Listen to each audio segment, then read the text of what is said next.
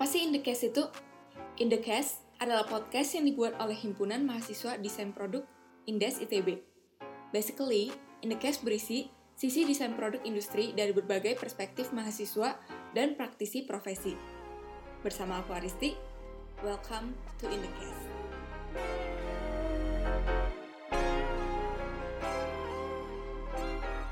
Apa ya, desain itu biasanya menurut orang-orang tuh ya udah kayak menggambar. gambar doang iya, banget kita nggak bisa asal-asalan membuat suatu apa ya yang dari aku pelajarin dari desain tuh kita tuh nggak bisa semena-mena ngambil keputusan gitu ah gue pengen bikin uh, bentuknya kayak gini karena gue suka Mm-mm. gitu itu kayak anti banget di sini nggak sih Iya, Kayak- bener bener bener. kayak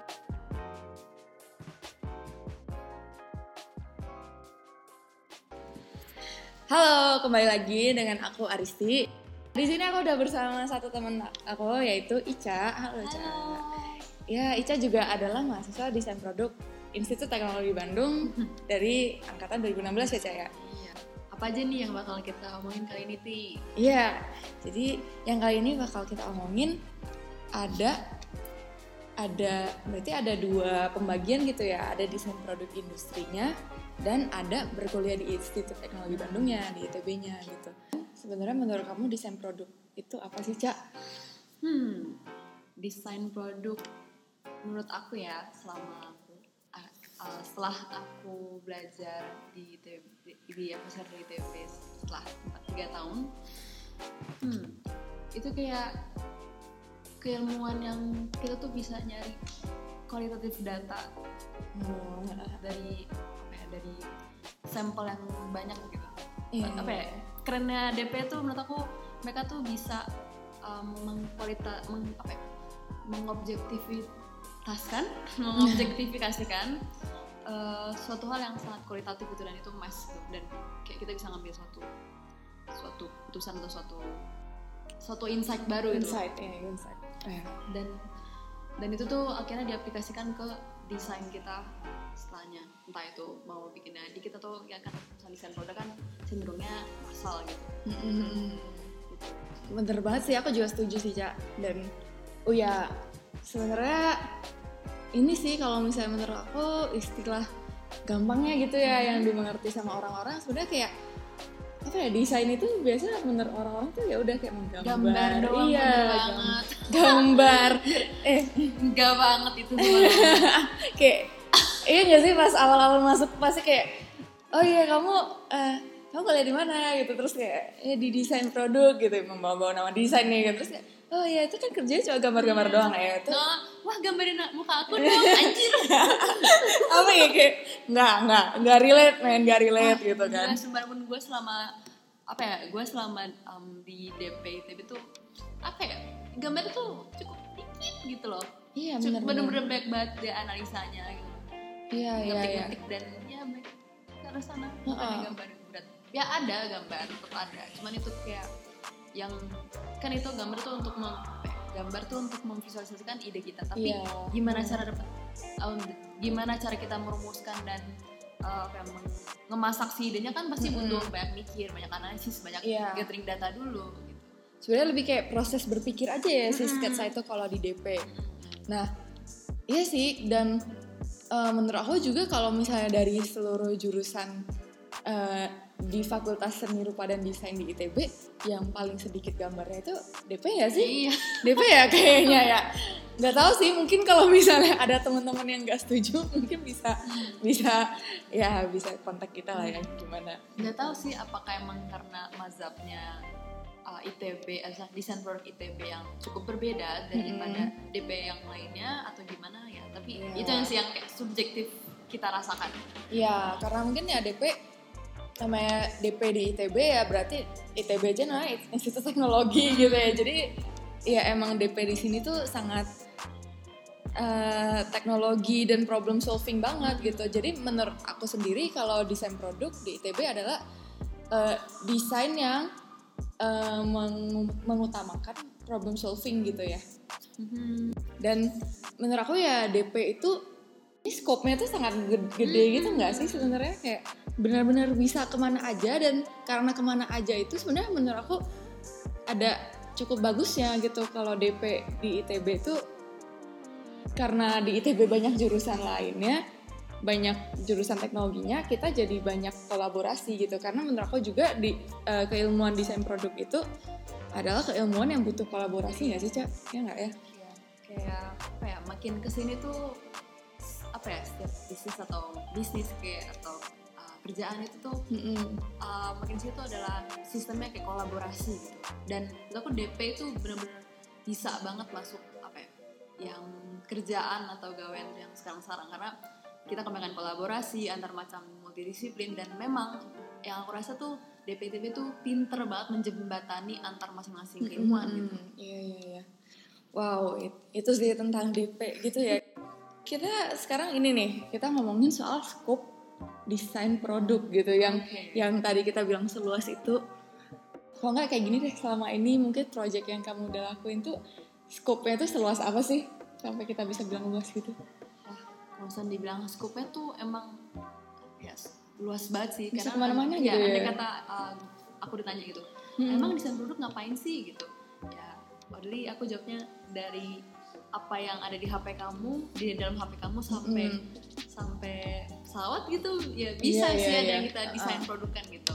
Misalnya ditanya spesifiknya mau desain apa Iya bener banget. Kayak dulu inget gak sih kayak istilah di awal-awal itu kayak kita selalu dibilang ya desain produk itu mendesain dari kancing sampai pesawat gitu. Yang beneran dari hal yang paling kecil di hidup kamu sampai hal yang sangat masif gitu ya. Sampai mungkin kalau kamu mau kerja di luar angkasa dan lain-lain itu juga masih masuk desain produk gitu.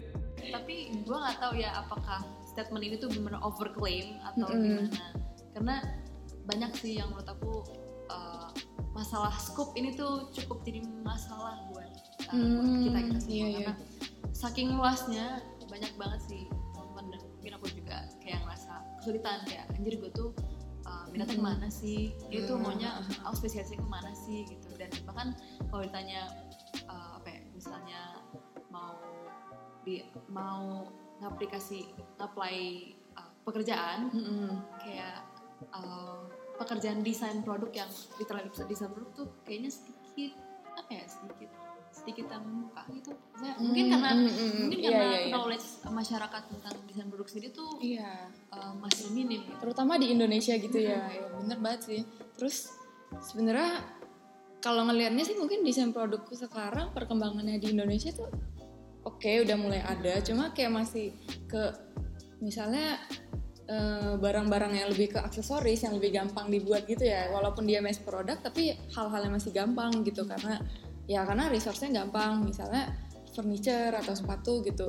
It's not a bad thing gitu tapi ya masih perkembangan Indonesia masih ke hal-hal yang simple di desain produk gitu. Masih belum yang eh, apa ya kita kayaknya masih belum sih kalau ngebuat kayak mobil sendiri. Ya sebetulnya udah ada gitu udah ada. Tapi kayak mencari eh, mengumpulkan si apa kan ba- banyak banget ininya komponen. Di Indonesia itu masih belum masih belum ini ya masih ada belum satu bisa. hal yang membuat kita tuh jadi nggak bisa apa ya, aku juga nggak mau sok-sokan menyalahkan pemerintah kayak anjir kenapa sih kita udah punya desain kita punya kok kayak uh, kita punya kok uh, SDM yang maksudnya pinter-pinter gitu kita Mm-mm. banyak lulusan teknik mesin terus ada ada DP ada mana-mana kayak Mm-mm, bisa mm-mm. kolaborasi bikin mobil sendiri tapi aku nggak mau ngejudge uh, apa yang membuat kita nggak bisa memproduksi sendiri ya iya iya di itu Oh iya ini nih nih desain produk biasa dibilang sebagai desain produk kemasan gitu. Iya. kayak what? Oke sih, tapi maksudnya ya kayak oke itu desain, tapi kayak ya itu tuh masuknya desain komunikasi visual gitu, bukan scope DP. Ya kalau dibilang bukan scope DP sebenarnya enggak, cuma kayak gini loh. Misalnya di botol, di botol Air mineral. air mineral gitu ya. Nah, eh jadi tuh yang ngedesain si luarnya gitu, yang ngedesain labelnya, gampangnya gini deh, yang nge- ngedesain labelnya itu adalah adalah desain komunikasi visual, tapi yang mendesain supaya si botol itu gampang dipegang adalah desain produk ya enggak, ya kan? karena ya desain produk juga belajar ergonomi belajar semantika. Uh, kita nggak bisa salah-salah membuat suatu apa ya yang dari aku pelajarin dari desain tuh kita tuh nggak bisa semena-mena ngambil keputusan gitu. Ah gue pengen bikin uh, bentuknya kayak gini karena gue suka Mm-mm. gitu. Itu kayak anti banget di sini gak sih? Iya bener bener kayak emang kenapa lu milih bentuknya lengkung? Gitu Mm, mm, mm. Uh, lu pengen membahasakan apa dari bentuk lengkung itu? Iya, benar, dan lain-lainnya gitu. Semantiga dan ergo- ergonomi. Mm-mm. walaupun kalau memang kamu eh, kamu pakai lengkung itu karena kamu suka tapi itu lebih kayak kamu itu mau mau membahasakan apa gitu ya dari lengkung itu ya caya maksudnya kayak ya ternyata kalau lengkung itu kayak mem- membahasakan eh, ya kedamaian atau kayak atau kayak yang eh, apa ketenangan gitu. Atau mungkin kayak eh, apa dinamis dan gitu-gitu bisa jadi gitu. Jadi emang semuanya ada maksudnya gitu. Sebenarnya kalau misalnya dikata desain produk desain kemasannya doang apa ya? Kemasan tuh kalau misalnya di apa ya dianalogikan dengan luarannya aja gitu. Mm-mm. bisa aja sih karena kayak kita tuh pinter nge-styling gitu. Iya. styling saya tuh uh, misalnya kosan bikin mobil ya kita yang bikin luarannya karena yang dalamnya mesin ya mungkin emang teknik mesin dan lainnya Mm-mm. cuman ya itu kembali lagi yang nggak segampang itu juga Ergo. ya semudah itu gitu ya karena ya tadi kayak balik lagi kayak misalnya mau bikin sofa ya gimana ya kita harus benar-benar benar apa ya, dalam mengambil keputusan bentuknya seperti apa itu Mm-mm. ya uh, juga perlu mem- mem- memerhatikan dari kalau misalnya bentuknya terlalu wah banget ya pasti nanti pas di in pas produksinya massal bakal merugikan industri gitu. Iya, kalau misalnya nggak nggak nyaman secara visual nggak nyaman mungkin bisa orang aja nggak pengen beli gitu. Jadi kayak kayak nggak apa ya nggak semeh gitu loh. Iya iya iya. Kayak oh ya kalau ngomong soal itu jadi pengen ngebahas itu sih kayak emang beneran DP itu mempelajari dari hulu ke hilir banget sih dari suatu produk gitu ya kayak ah, kadang capek sih mikirinnya. Kayak beneran kita tuh memikirkan gimana kalau misalnya sama orang produksi tuh ini tuh lebih hemat atau enggak Iya. gitu atau lebih mahal atau enggak. Terus kayak habis itu udah oke kita kayak nggak mikirin baterai materialnya gimana kita masih mikirin pembuatannya gimana kita mikirin usianya berapa kita mikirin kayak penuaan dari si produknya gimana gitu ya kayak beneran. Dan oh ya dan juga eh, sebisa mungkin ya ini sebenarnya nggak mungkin nggak diaplikasiin ke semua desain ya tapi maksudnya sebisa mungkin kita itu juga mempelajari gimana eh, cara mempensiunkan si produknya gitu ya. Hmm. ya ya tapi tapi ya itu yang sebenarnya eh, ini yang jadi dosanya desain produk gitu nggak sih? Karena karena ya banyak. Ya sebenarnya gini ya kayak desain produk itu kan kerjanya di industri ya kan namanya. Namanya tuh desain produk iya mas. Mass product gitu heeh. jadi jadi tuh eh, kejadiannya banyaknya tuh produsen cuma memikirkan memikirkan eh, dari sisi duit awalnya gitu, gitu gimana dapat profit yang banyak gimana mengeluarkan duit sed- sedikit mungkin gitu. Tapi nggak mikirin pos eh, setelahnya tuh gimana gitu ya Iya, iya. Ah iya bener banget nih. Eh, bener banget bahwa yang kita pelajarin di DP tuh cukup banyak. Cuman yang aku rasain sih kita belajarnya hanya di permukaan aja. Yang aku rasain tuh kayaknya eh, banyak sih dari kita itu yang rasa kadang-kadang nggak tahu minatnya ke mana dan Iya. dan aku setuju nih dari pernyataannya Aris tadi yang kadang-kadang tuh di sana tuh bikin produk tapi jadinya membuat masyarakat jadi konsumtif gitu loh. Mm-mm, bener bener bener bener. Ya aku setuju banget sih karena emang ternyata kenyataannya banyak fenomena mahasiswa di sini gitu. Teman-teman eh, sebenarnya kayak lebih kayak teman-teman atau kayak kakak tingkat gitu ya kayak kayak yang eh, jadi nggak nemu mau ngapain gitu ya kan Iya. saya kayak beneran karena seluas itu terus nggak sebenarnya mungkin kayak kita juga harus mencari sendiri sih pengennya apa gitu. Baru aja nih kemarin ma- kemarin pagi berarti kemarin pagi aku ngobrol sama ada tingkat gitu. Nah, dia tuh juga ngomong kayak gitu. Eh, awalnya kak aku pengen bikin pengen, masuk DP tuh pengen bikin sepeda gitu ya tapi ternyata masuk DDP aku nggak nggak mempelajari itu gitu. Maksudnya Mm-mm. ya mungkin emang itu belajar sendiri tapi apa ya pada akhirnya kita harus belajar lah apa ya D- DP tuh bener-bener dasarnya banget. uh, buat tentang desain gitu dan kalau Mm-mm. misalnya mau mau men, ya, menspesifikan tuh nanti emang kita akan belajar lagi terus-terusan gitu tapi Iya iya. dengan bekal ilmu yang di DP tuh dan itu kayak bakal dasar banget tapi ya andai kata Mm-mm. seseorang nggak tahu minatnya ke mana oh itu bakal luas banget gitu. Iya bener banget sih terutama tuh di DP ITB gitu ya soalnya tuh beneran kurikulumnya kalau eh, menurut kami eh, halo ibu bapak dosen maaf ya kalau kami ngomong kayak gini. Terus kayak eh, emang kita itu mempelajari sangat eh, bebas sih jatuhnya sebenarnya kayak beneran bebas tapi harus problem solving gitu. Hmm. tapi justru itu yang membuat kita jadi bingung Iya. mau ngapain gitu ya. Soalnya beneran ya sebenarnya pernah sih di state sama seseorang dosen gitu. Beliau kayak bilangnya eh iya eh, kurikulum dari desain produk ITB itu sudah disusun supaya eh, lulusannya bisa menjadi seorang desainer yang all all rounder gitu yang benar bisa bisa semua bisa banyak hal gitu loh. Jadi emang sebenarnya kurikulum itu diatur seperti sedemikian rupa tapi itu malah membuat kita jadi bingung gitu nggak semua mungkin aku rasa nggak semua orang punya kemampuan untuk memahami eh, dia sukanya apa secara secara cepat dan secara apa ya, secara Mm-mm. betul-betul gitu iya ya akhirnya ya emang kebanyakan rata-rata banyak yang lost sih gitu. Iya, sedihnya ya. Iya bener banget sih Cak, kayak beneran se ya tadi sih balik lagi seluas itu gitu ya dan. Ah, dan sebenarnya kalau aku kan pernah tuh ngakuin survei kecil-kecilan gitu kan kayak beneran seluas itu gitu keinginan eh, ke apa cita-cita setiap orang harapan setiap orang di masa depan mereka mau jadi apa gitu.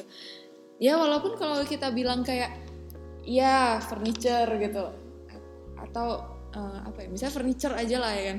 Tapi furniture itu sendiri bahkan sangat luas gitu ya. Bisa jadi orang tuh benar mau fokus ke material kayak misalnya kayu, bambu, rotan atau kayak metal, plastik dan lain-lain gitu atau bisa jadi eh, dari si bentuknya misalnya kayak ada mau buat kayak eh, furniture yang kayak ke zaman dahuluan gitu atau kayak ke kerajaan-kerajaan atau misalnya furniture yang minimalis kayak yang gaya-gaya Jepang, gaya-gaya apa gitu terus mungkin kayak furniture yang furniture yang eh, untuk kantoran, furniture untuk sekolah, furniture untuk untuk di bencana atau apa beneran sangat luas gitu. Ya, Wow, ya. Just wow, seluas itu tapi beneran kita belajarnya enggak. Ya kita selama di perkuliahannya ya enggak enggak dipelajari secara langsung itu harus kita kita ini Gali sendiri, sendiri. ya gali sendiri gitu ya saya beneran. Hmm iya sih. Kalau ini deh pengen nanya sih cak. Kan tadi dari seluas itu kamu itu sebenarnya pengen fokus ke mana gitu? Kalau dikata pengen fokus ke mana aku tiba-tiba fokusku ke UI UX gitu. oh UI yang, UX yang ya? sekarang apa ya yang sekarang cukup kuat gitu loh Mm-mm. sebenarnya yang lain aku juga juga juga kayak minat gitu loh. Mm-mm. mungkin tentang desain produk yang yang uh, memikirkan tentang budaya atau kayak sosial oh social Nah, design gitu social ya design aku juga, pernah, juga penasaran gitu tapi yang saat ini akhirnya aku udah dapetin ilmunya dan bisa aku aplikasiin. Mulai aplikasiin ya UI UX sih. Mm-mm. Oh iya, informasi kepada pendengar sebenarnya kayak ya bener di DP juga termasuk ya Cah, ya kayak beneran yang hal-hal yang intangible karena sekarang kita ya di Indo sendiri di Indonesia sendiri itu lagi ini banget kan lagi in banget gak sih startup startup gitu. Dan Iya, dan jadinya banyak juga alumni alumni yang jadinya ke arah startup gitu. Mm, yang beneran ke desain. Namanya tuh sebenarnya di sini juga namanya product designer gitu. Misalnya mendesain produk tapi aplikasi gitu. Dan dan sebenarnya kalau ngomong UI itu mungkin UI UX sebenarnya lebih kayak irisan bersama DKV gitu. Iya. ya kan ya? Tapi ya di DP juga bisa gitu. Karena kita kan belajar semuanya. Kalau misal dari UI-nya sebenarnya bisa kita uh, keilmuan dari DP yang bisa diaplikasikan tuh semantikanya gitu. Cuma kayak Mhm. mungkin memang lebih pro tuh Iya. anak di kafe. Dan- mungkin kayak mau menonjolkan nilai apa gitu Tapi kalau apa ya, kalau UI kan lebih ke konkret dan kalau UX tuh masalah tentang abstrak dari apa ya, pemaham uh, abstrak dari, dari abs- uh, hal-hal abstrak yang untuk di aplikasinya gitu saya tuh kalau misalnya di desain produksi uh, selama ini kalau misalnya masuk ke ranah UX UX design aku aku men mengestep bahwa aku Mm-mm. pengennya ke UX design ya kalau. Yeah. gawe ya uh, lebih karena pengennya yang gathering datanya gathering kualitatif Iya. datanya satu dan akhirnya bisa ngasih ngasih keputusan tuh harusnya kita tuh punya punya fitur-fitur apa aja sih aplikasinya. mm-mm. Oh iya bener Dan ini sih kayak mungkin DP beneran kita tuh belajar manusia banget Dan uh, UX itu kan namanya user experience Berarti kita mempelajari dong manusia itu ngapain gitu Iya. ya di UX gitu ya Kalau misalnya mau denger soal UX Karena kayaknya sih udah banyak sih uh, podcast. Booming bang iya beneran podcast podcast juga banyak sih yang ngebahas soal UX mungkin kalau misalnya mau mau cari tahu lebih lanjut soal UX yang di aplikasi-aplikasi mungkin bisa denger podcast yang lain gitu. Karena harusnya sama aja sih gitu. Tapi yang pengen aku tekenin tuh adalah apa ya? Ironi. Ya, eh, maaf ya bu, des, bu dosen pak dosen. Ironinya tuh UX ini belum diklaim dan belum digali banget gitu sama keilmuan desain produk. bener-bener sebenarnya eh, secara implicit sebenarnya udah udah udah apa ya udah orang-orang udah paham nih oke ternyata UI UX itu bagian dari desain produk Mm-mm. cuman dari desain produknya sendiri kita tuh mungkin ya apa ini potensi yang bagus banget nih buat Iya. uh, Raymond DP untuk uh, maju dengan titel itu saya kayak Iya. membanggakan gitu karena itu lagi kebutuhan banget kebutuhan industri banget saat ini iya iya iya cuman ya ironinya belum apa ya, belum di apa ya belum diterima secara penuh aku rasa dari dari pihak-pihak yang dosen itu. Mungkin emang karena uh, kondisi industri pada zaman dulu berbeda sama industri sekarang gitu. Karena kita sekarang lebih kolaborasi dan industri yang intangible gitu. Masa dulu mah emang mass banyak gitu. Iya. Dan dan iya sih ironinya lagi kayaknya sih di DKV juga masih belum ada sih pelajaran yang seperti itu gitu karena iya nggak sih soalnya ya pernah sih ngobrol-ngobrol sama temen DKV juga sudah kemarin juga mau ngajak temen DKV yang mungkin mau ngebahas soal Oh. ini tapi kemarin ketika ditanya katanya sih masih belum ada yang mau fokus ke kayak ginian Iya. jadi tolong teman-teman DKV kalau misalnya kalau misalnya mau nge iniin ngebenerin boleh banget sih langsung.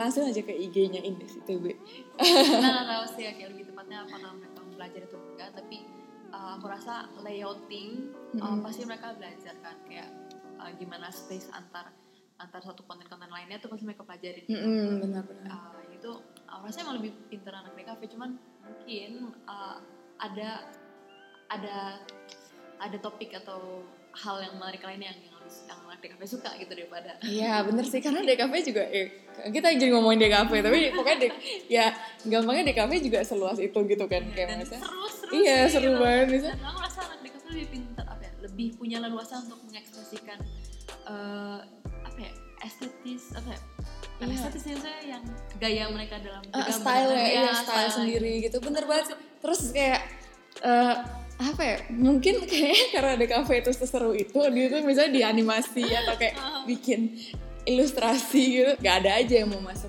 ke UI UX ya. Mungkin cenderung konstan dibandingkan eh, animasi atau ilustrasi yang sangat style sendiri gitu ya. Makanya makanya itu mungkin menjadinya banyak anak DP yang terakhirnya masuk ke UI UX gitu ya. Oh, nggak cuma DP sekarang mah mulai digarapnya sama Ah, iya, anak iya, non bener. apa ya non SR pun juga udah mulai garap. iya iya iya bisa benar, juga benar, sih saat UX gimana saat lagi lagi proses desain thinking pada dasarnya eh, kan UX design tuh emang perlu UX uh, dalam UI UX tuh juga perlu desain thinking nggak Mm-mm. sih dan Oh iya tuh benar benar. Oh. Tapi kayaknya kalau soal desain thinking ntar bakal dibahas di podcast selanjutnya. Tapi kita kita nge-state dulu aja nih kalau DP itu base salah satu base-nya adalah desain thinking gitu ya.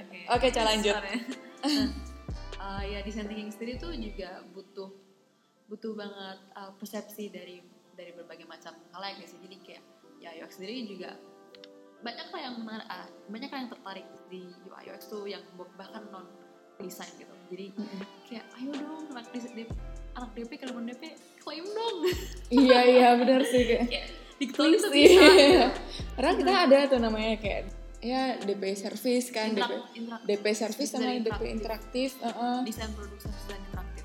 Iya dan dua itu sebenarnya yang lebih mengarah ke intangible product gitu yang kayak misalnya si ya service juga termasuk desain kan dan itu juga termasuk keilmuan DP gitu dan ya sangat sangat sangat sangat sangat luas kayak dosen kalau koreksi saya kalau saya salah uh, tapi bahkan dari sains sains sistem kayak sistem orang tuh untuk jalan ke mana tuh benar. DP juga bisa juga bisa uh, ngedesain itu gitu loh. Se absolut. Yang penting kita tuh emang mempelajari si manusia aja gitu dan membuat Iya. satu produk ataupun satu hal gitu apa-apa yang tangible juga apa untuk manusia. Ya bahkan ya eh, ini agak intermezzo dikit kayak di bawah kan ini lagi Bandung Design Biennale dan di bawah tuh ada open lab gitu kan. Ya open lab itu ada lab ergonomi yang beneran mempelajari semua aspek manusia gitu di sana yang kayak beneran misalnya dari mata itu mata itu ngelihat ke mana itu bakal di, bahkan di tracking gitu oleh desain produk. Dan kayak misalnya ukuran antropometri manusia itu juga termasuk desain produk gitu dan beneran ya kita sangat umum tapi sangat detail gitu. Hmm, apa ya mungkin kalau masalah ukuran dan lain-lain anak industri lebih jago MR atau industri sih teknik industri dan Ya. ma- manajemen Ya. rekayasa industri gitu mereka mungkin lebih jago tapi ya itu tadi yang uh, yang kekuat yang aku rasa kekuatannya dari DP tuh gimana anak keilmuan desain tuh mengajarkan kita untuk mencari informasi mencari data uh, kualitatif tadi gitu karena yang anak teknik sebenarnya cenderung data-data yang banyak gitu kan kayak data Mm-mm, exact gitu kan makanya mereka memahami lebih pintar tentang si Mm-mm. antropometri dan lain-lain gitu Iya. tata letak apa sih? Kayak tata letak gitu kan kayak tata letak sentuh gitu kan. Iya iya iya. Tapi secara kuantitatif gitu ya? Iya, uh, nah perusahaan kita tuh menurut aku kalau menurut aku ya Mm-mm. pinter bangetnya di kualitatif. iya iya iya. Misalnya kayak mungkin mereka tahu secara ukuran nyamannya itu gimana kayak kalau kaki itu berapa atau gitu gitu tapi secara secara untuk dari segi ya estetika juga kita dari segi estetikanya dan kayak segi sebenarnya kayak mungkin sebelum ngelihat eh mungkin pas ngelihat tuh orang kan bisa ngelihat itu kayak ini ini tuh bisa diduk-dukin atau bisa nyaman gitu. Itu juga termasuk ya pers- persepsi pers- persepsi. Itu juga persepsi yang diatur. Emotional engagement mungkin bisa juga gitu dari dia. Oh, kalau misalnya kalau misalnya Risi sendiri sebenarnya pengen fokus ke mana sih? oh. Wah aku sebenarnya ya sebenarnya semua orang pasti masih bingung kan. Tapi kalau aku sendiri sih sekarang sih sukanya ke biodesign gitu kan. Yang yaitu yang berkolaborasi dengan bioteknologi Hmm. gitu. Dan sebenarnya teknologi secara umumnya juga sih kayak misalnya elektro juga, elektro juga terus kayak yang kayak gitu-gitu sih misalnya kayak yang membuat si uh, produk itu digabungkan sama alam. Kalau konsep dari aku sendiri aku suka kayak gitu. Ketika menurut aku ya karena sekarang ya bumi itu perlu healing gitu kan perlu healing dan sebenarnya kalau dibilang mah kalau menurut aku nih bumi itu sebenarnya nggak perlu manusia gitu.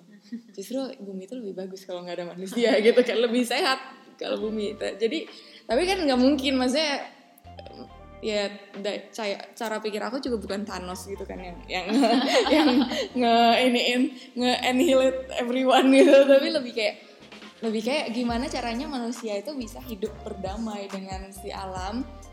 Dan ya makanya it- karena itu aku pengen fokus ke biodesign gitu yang beneran yang membuat uh, kenyamanan manusia bisa bisa ber bisa ber ini berintegrasi dengan kebutuhan alam ini kayak yang bahasan sebelumnya nggak sih bahwa anak-anak tuh desain produk tuh pada zaman dulu kurang memikirkan tentang after using produknya. iya iya bener banget sih yang kayak ya kadang ya kadang sebenarnya ini sad but truth yang kayak hard to swallow pill-nya ya karena desain produk adalah pihak yang bisa disalahkan, pihak yang berdosa untuk perusahaan-perusahaan yang eh, kayak nambah sampah atau yang kayak gitu-gituan yang eh, yang nggak memikirkan di akhirnya dan cuma memikirkan un- keuntungan duit secara duitnya, secara materialnya dan itu tuh ya salah satunya dosa desain produk juga gitu. Iya.